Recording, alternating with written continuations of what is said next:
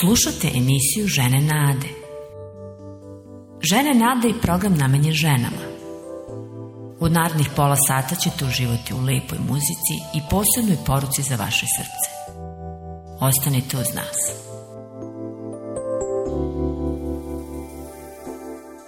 Velika je odgovornost brinuti se za nekoga u poslednjoj fazi bolesti. Potrebno je da stegnemo grlo, savladamo šok i tugu – Možda ste već premorene, možda vas već guši neumitan gubitak osobe koja odlazi, a morate da se brinete za nju.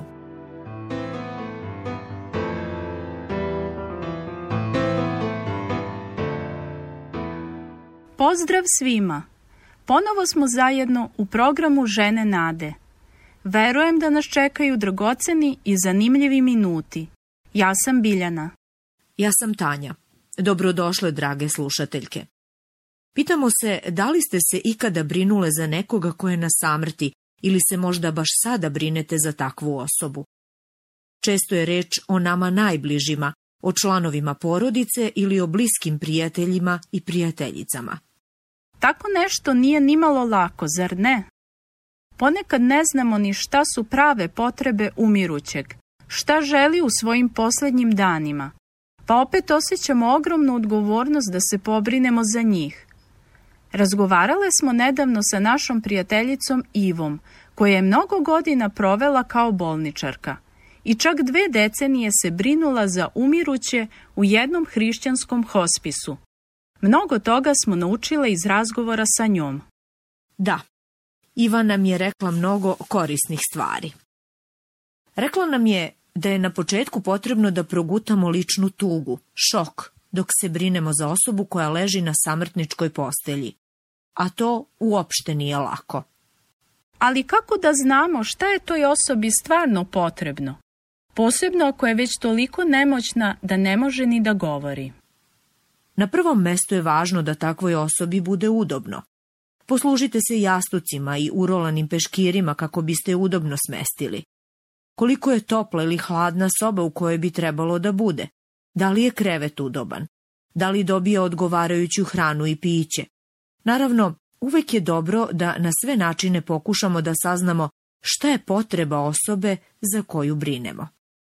Ako osoba leži veći deo vremena ili je sasvim prikovana za postelju, to podrazumeva i dodatnu brigu za njeno telo. Svakako, Potrebno je sasvim higijenski i sanitarno je zbrinuti. Jako je važno da je kupamo sunđerima što je nežnije moguće. Tu i pranje zuba i redovno češljanje. Možda će vam biti potrebna pomoć još nekoga kada je reč o preslačenju ili promeni posteljine. Masaža uljem može da doprinese i boljoj cirkulaciji i osjećanju lagodnosti. Takođe je jako važno pomerati bolesnika više puta dnevno, okretati ga da se ne bi pojavile rane od ležanja na jednom mestu ili da ne bi došlo do ukočenosti. Ukoliko osoba može da hoda, trebalo bi je ohrabrivati da to čini što je više moguće. Sedenje u stolici, na suncu, promena mesta i slično uvek dobro dođe. Ako se pojave dekubitis rane, šta tada da radimo? Očistimo rane čistom blago zasoljenom vodom, a potom ih previmo čistim zavojem ili čaršavom. Još je bolje ako rane mogu da se osuše na svetlosti. Ponekad je zavoje potrebno menjati svakog dana. Ako osoba ima šećernu bolest, bit će vam potreban i savet stručnije osobe. Šta je najbolje da uradimo sa zavojima koje smo već upotrebili? Najbolje ih je spaliti. Čaršave svakako treba oprati blagim sapunom i osušiti ih na suncu. Umirućeg nikada ne treba ostavljati u prljavom ili mokrom. Svakako bi trebalo prati ruke pre i nakon bilo čega što radimo osobi za koju se brinemo. Tako i sebe i nju čuvamo od bacila i razboljevanja. Ukoliko bolesnik ima neku infekciju ili krvarenje, onda su svakako poželjne rukavice.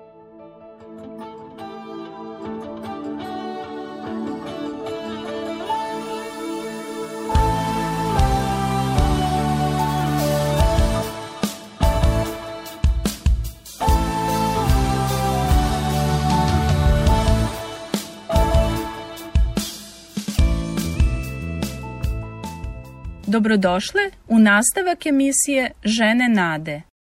Danas govorimo o posebnoj temi, o brizi za umiruće. Što je potrebno od hrane takvim bolesnicima? Oni koji umiru uglavnom ne mare za jelo. Zato je dobro da ih ohrabrimo da barem pomalo jedu, makar i kašasto. Bolje im je dati šest malih obroka nego tri obilna – i to onoga što obično vole da jedu. U svakom slučaju obroci bi trebalo da su meki i hranjivi. Ponudite im što više pića, vode, čaja, supe ili mleka, ali da ništa ne bude pretoplo. I ne brinite ako ne žele mnogo da jedu i ako slabe. To je najčešća pojava u ovoj fazi. A bol? Da li svi umirući pate u bolovima? Ne nužno ali ako ih boli, tražite pomoć lekara i oko tog pitanja.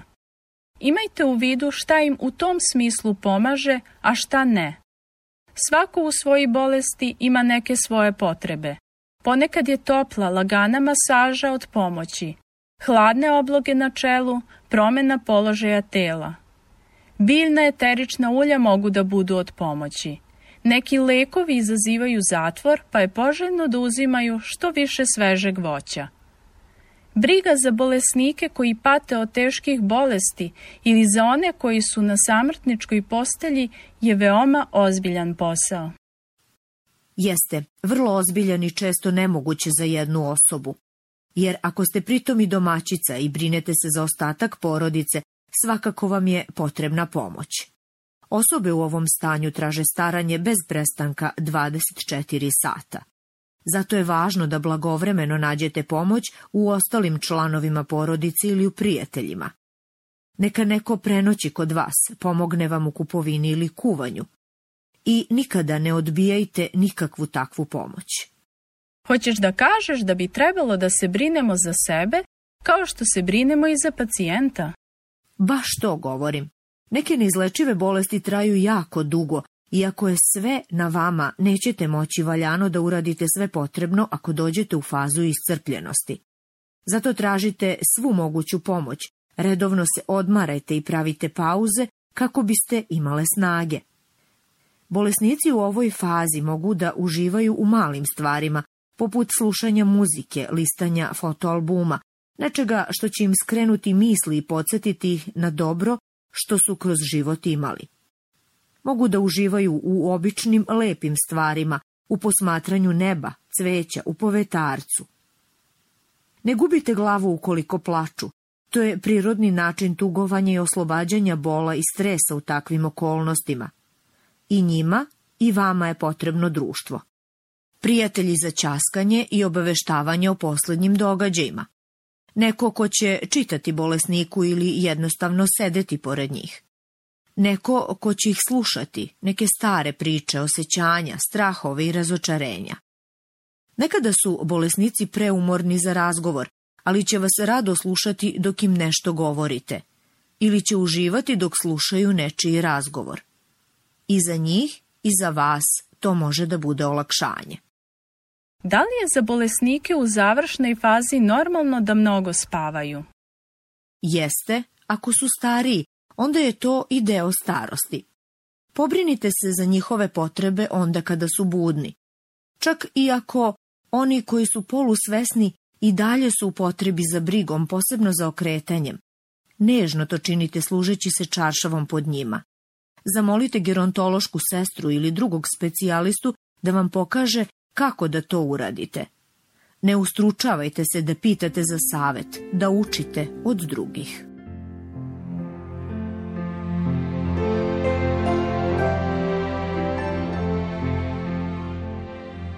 Danas u Ženama nade pričamo o tome koji su to izazovi i teškoće sa kojima možemo da se susretnemo kada brinemo o teškim bolesnicima i onim osobama koje se nalaze na samrtničkoj postelji. Tanja, šta bismo još mogle da kažemo? Pa još ponešto. Znam mnoge koji se plaše posete umirućim ljudima. Imaš li neki savet za njih? Jako je važno da budemo prirodne kada obilazimo takve bolesnike. Makar i kratka poseta vredi. Ljudi koji umiru čuju svaku reč i onda kada na ne reaguju i ćute. I u poslednjim satima života čuju razgovore u susednoj sobi. Poseta je prilika da im kažemo koliko ih volimo, da ih podsjetimo koliko je njihov život bio vredan. Ne ostavljajte sve ove reči za sahranu i za one koji ostaju iza pokojnika. Ako je umiruća osoba mlađa, Ne plašite se njenih pitanja.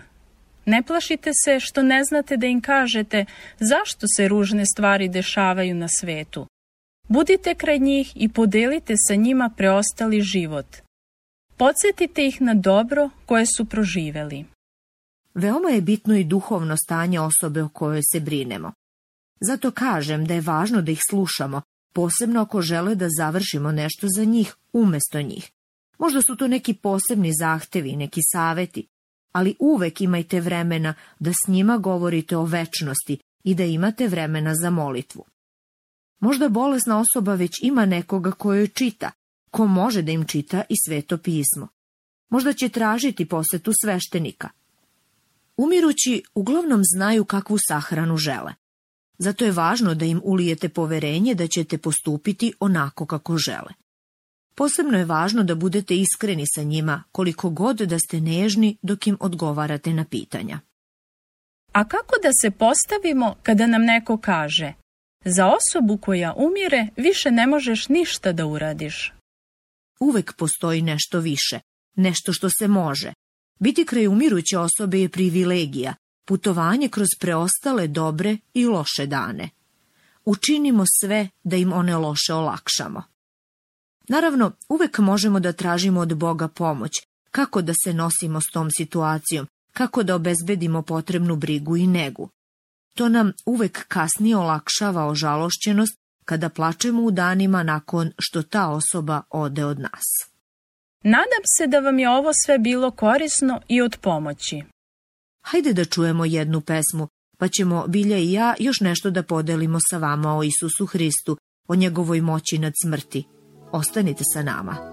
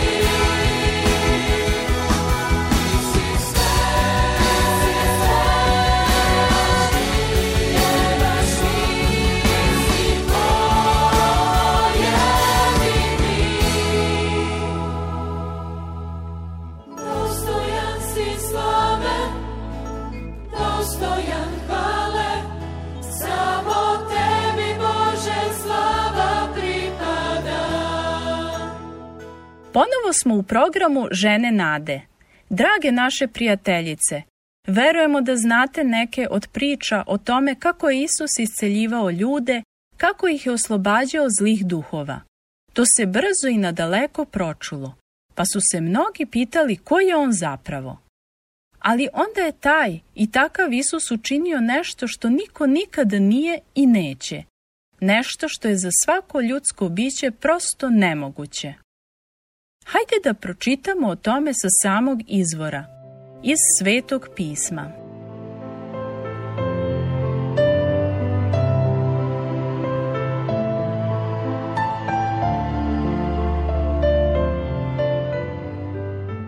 Isus se vratio lađicom na drugu obalu jezera. Ponovo se oko njega okupilo veliko mnoštvo ljudi. Dok je stajao uz jezero, priđe mu čovek po imenu Jair – starešina tamošnje sinagoge i pade pred njegove noge. Saletao ga je molbama, moja čerka je na samrti, dođi i položi ruke na nju da bi ozdravila i živela. Isus pođe za njim. Ali dođu glasnici iz kuće Jaira, starešine sinagoge, govoreći Jairu, tvoja čerka je umrla, zašto da i dalje zamaraš učitelja? Isus se nije obazreo na njihove reči, već je rekao starešini, ne boj se, samo veruj. Nikome nije dozvolio da pođe sa njim osim Petru, Jakovu, Jovanu, bratu Jakovljevom. Zatim su došli u kuću starešine Jaira. Isus je video pometnju i čuo plač i naricanje. On uđe u kuću i upita okupljene, zašto ste uznemireni, zašto plačete, dete nije umrlo nego spava. Oni su mu se pak podsmevali. Isus je zatim udaljio prisutne, pa je poveo sa sobom oca i majku deteta i svoje pratioce i ušao tamo gde je bilo dete. Onda ju je uzeo za ruku i rekao joj Talita kum, što u prevodu znači Devojčice, tebi govorim ustani. Ona je istog trenutka ustala i počela da hoda. Bilo joj je 12 godina prisutni su bili veoma začuđeni i zapanjeni. Isus im je onda strogo zapovedio da ne pričaju drugima o ovome i rekao im da daju devojčici da jede.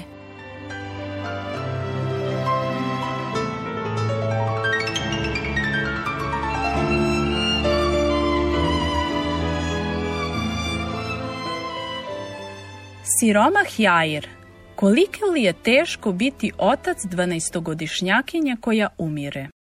Koliko god da je bio ugledan, bio je dovoljno očajan da lično požuri Isusu i preklinje ga za isceljenje deteta. Da, možemo samo da zamislimo kako se osjećao. Nema sumnje da mu je Isus bio poslednja nada. Da li se i mi ponekad osjećamo ovako očajno bespomoćne? Kako li se samo Jair osjećao kada ih je na putu njegovoj kući zaustavila ona nesrećna žena? Znate, Tekst koji smo pročitale u sebi ima baš taj umetak o ženi koja je patila od hemofilije. Možda je mislio, pa ona je već godinama bolesna, može još malo da čeka, odrasla je žena, a moja curica umire. I šta je Isus uradio? Stao je i prvo pomogao ženi. Bila mu je podjednako važna kao i čerka ovog uglednog starešine sinagoge ali baš zbog toga je sve postalo prekrasno. Čitale smo kako su iz Jajrove kuće došli neki sa najcrnim vestima. Devojčica je umrla. Siroti otac. Ali Isus mu je onda prišao i rekao, ne boj se, samo veruj. Uh, ovo Jajru mora da je bilo još teže da čuje. Da li je stvarno poverovao Isusu? Mislim da jeste, jer vidimo kako ga i dalje vodi kod sebe ali tamo, oh, žalosti, lelek i za pomaganje. Ali zapanjujuće šta kaže Isus svima koji su tamo. Zašto ste uznemireni? Zašto plačete? Dete nije umrlo, nego spava. Oni su mu se pak podsmevali. Isus je zatim udaljio prisutne. Druga evanđelja nam prenose da je u sobi ostavio Petra, Jakova i Jovana. Da, i tu su bili još samo otac i majka devojčice.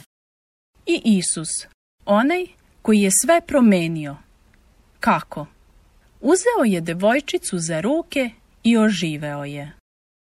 Zamislimo samo te roditelje kada je otvorila oči i uspravila se na krevetu. Zamislimo samo te zagrljaje i poljupce. Kako je Isus zadivljujuće praktičan kada im je rekao da ju donesu nešto za jelo tada im zapoveda i da ne šire vesti.